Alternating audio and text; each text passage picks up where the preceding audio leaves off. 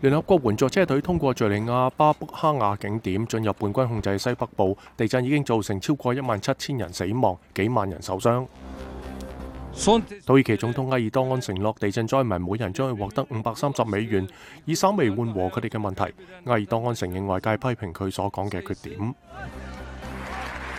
乌克兰总统泽连斯基布鲁塞尔欧洲议会发表讲话时表示，俄罗斯入侵乌克兰系一场威胁欧洲生活方式嘅全面战争。